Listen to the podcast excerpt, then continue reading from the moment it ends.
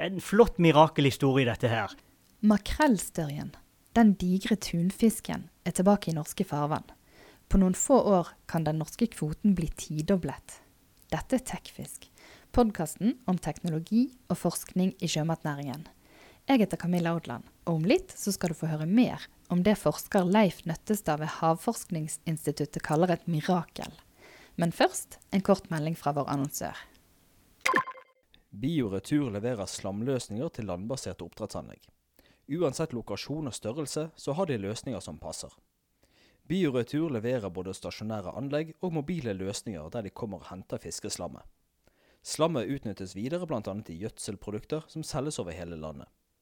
Gå inn på nettsiden bioretur.no for å lese mer. Leif Nøttestad, hva er det som er så fascinerende med makrellstørjen? Ja, Makrellstørje det er på en måte havenes Formel 1-fisk. Det er, jo, det er jo den mest ettertrakta fisken eh, på, på, markedet i forhold til å spise. Men eh, hvis vi tar biologien, det er jo en fantastisk skapning. Alle som har sett en makrellstørje, blir jo fascinert over å se på. Det er jo en skikkelig muskelbunt vi snakker om.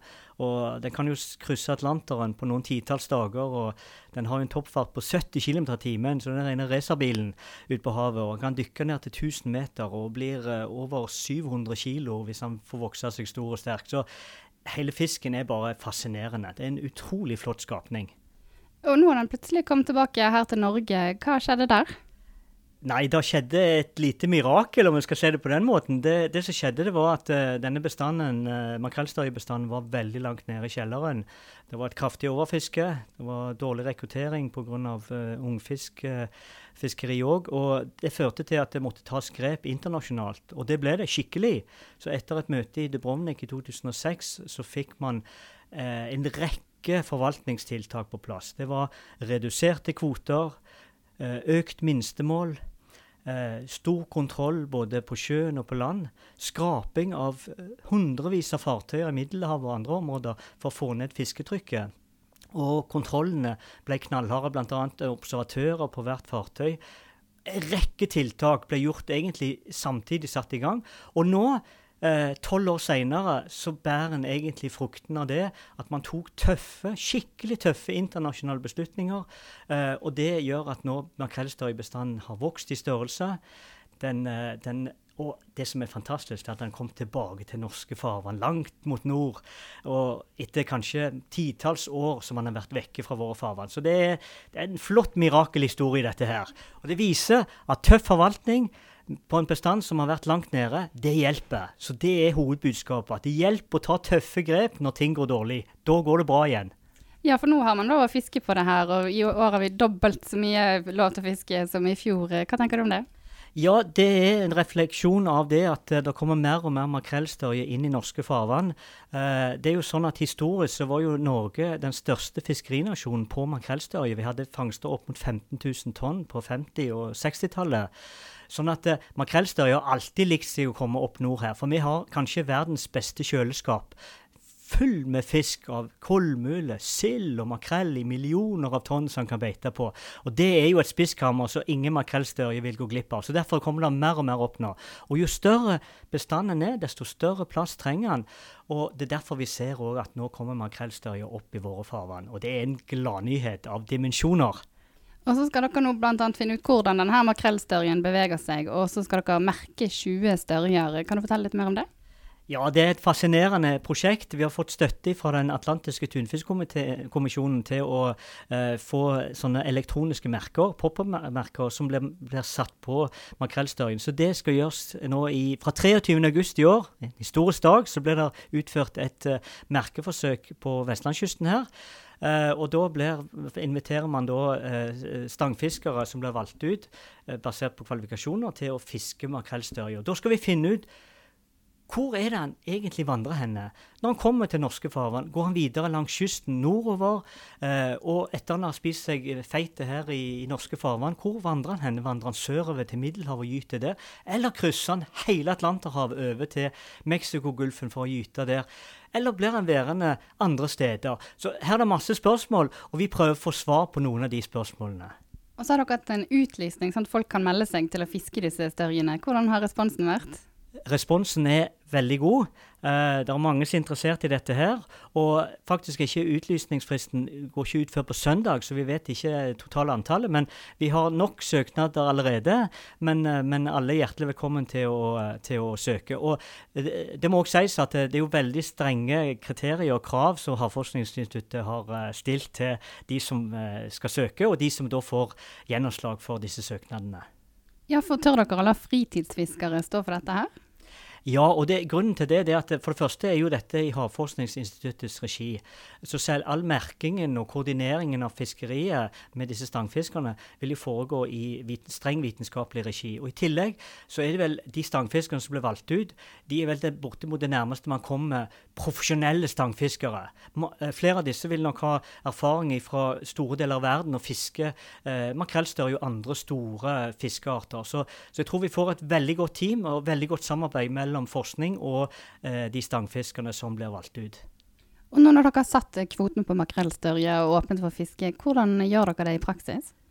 Ja, det er flere metoder som blir brukt eh, til å mengdemåle eh, makrellstørjebestanden. For det første så har vi to komponenter av makrellstørje. Vi har en østlig komponent som gyter i Middelhavet. Og så har vi en såkalt vestlig komponent som gyter i Mexicogolfen.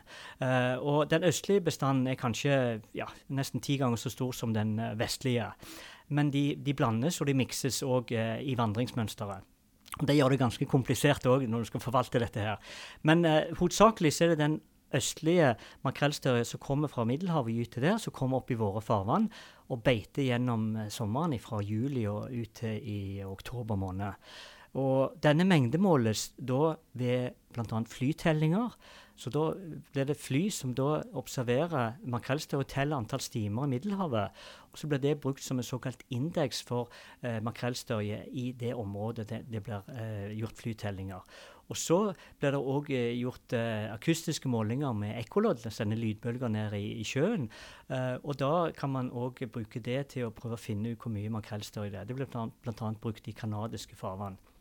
Og så har man, Men de fleste metodene er såkalte fiskeriavhengige.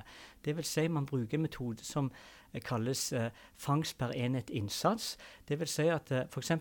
Eh, japanske lineflåten, når de er ute og fisker, eh, så kan man måle hvor, hvor fangsteffektiviteten den er. Hvor mye, f.eks. hvor mange makrellstørjer de får på hvor mange hundre meter line. Så det er tegn på hvor mange de får, og hvor mye innsats, hvor mange kroker som blir brukt. Og dette blir brukt som en såkalt bestandsindeks for om bestanden ser ut til å gå oppover eller nedover. Så det er en, det er en indeks som blir brukt i bestandsberegningene. Den er ganske usikker òg, for den er fiskeriavhengig. Helst vil vi ha fiskeriuavhengige data. Men det krever utrolig mye ressurser for å dekke det over så store områder. Uh, så, så, selve bestandsberegningen er en kombinasjon av fiskeriuavhengige metoder, fiskeriavhengige metoder, men ikke minst det som er kanskje det aller viktigste, det er fangststatistikken den må være korrekt for at vi som havforskere skal ha muligheten til å gjøre gode bestandsberegninger, og ikke minst å gi god rådgivning til forvalterne. Men vil det fortsette å øke på med makrellstørje her i Norge, og vil kvotene også øke, tror du? Eh, sånn som det ser ut nå, så er svaret ja. Sannsynligvis vil det komme mer og mer makrellstørje opp i våre farvann. Både fordi at eh, rekrutteringen ser ut til å ha vært god nå i flere år, de siste 10-15 årene for makrellstørje. Vi har fått opp større makrellstørje for vi har latt de vokse til de blir store og til de blir kjønnsmodne pga. dette minstemålet. Og det har ført til at eh, nå får vi mer og mer makrellstørje. Det fører òg til at faktisk Norge nå har klart å kjempe seg til en større og større kvote eh, av makrellstørje. Så dette vil jo òg føre til økt verdiskapning i dette fiskeriet framover. Så flere kan regne med å få fiske makrellstørje neste år f.eks.? Ja, det ser ut som fram til 2020. Så eh, fra begynnelsen av eh, den norske kvoten var vel rundt 30 tonn, så kanskje ligger, vil den norske kvoten være på nærmere 300 tonn. Så en tidobling i løpet av de få årene.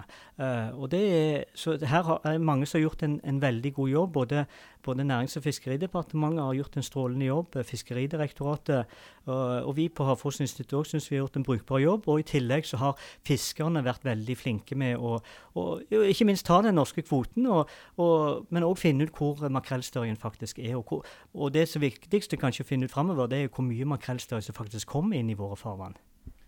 Og du sier en tidobling. Det er ganske store verdier det er snakk om her òg, så det må være mange som er fornøyd med det? Ja, det er klart det at uh, når Norge ble fullt medlem av Den atlantiske tunfiskkommisjonen, ICAT, i, i 2004, så var jo hovedmålsettingen å, å få makrellstørje tilbake til norske farvann. Og Den gang så, så det rimelig svart ut. Det var ikke så, egentlig så mange som hadde tro på at makrellstørje ville komme tilbake til norske farvann. og dermed så, Uh, Men vi har kjempa hardt i mange år, og, og nå bærer man fruktene av det òg i, i Norge, uh, ved at forvaltningen har blitt mye bedre i ICAT. Og det gagner egentlig alle. Alle er tjent med å ha en høy bestand av eh, makrellstørje, for da kan òg alle høste mer fra den ressursen. Du har nå hørt på Tekfisk, podkasten om teknologi og forskning i sjømatnæringen. Du kan abonnere på podkasten i din faste podkastspiller, og sjekk gjerne ut den nye nettavisen tekfisk.no.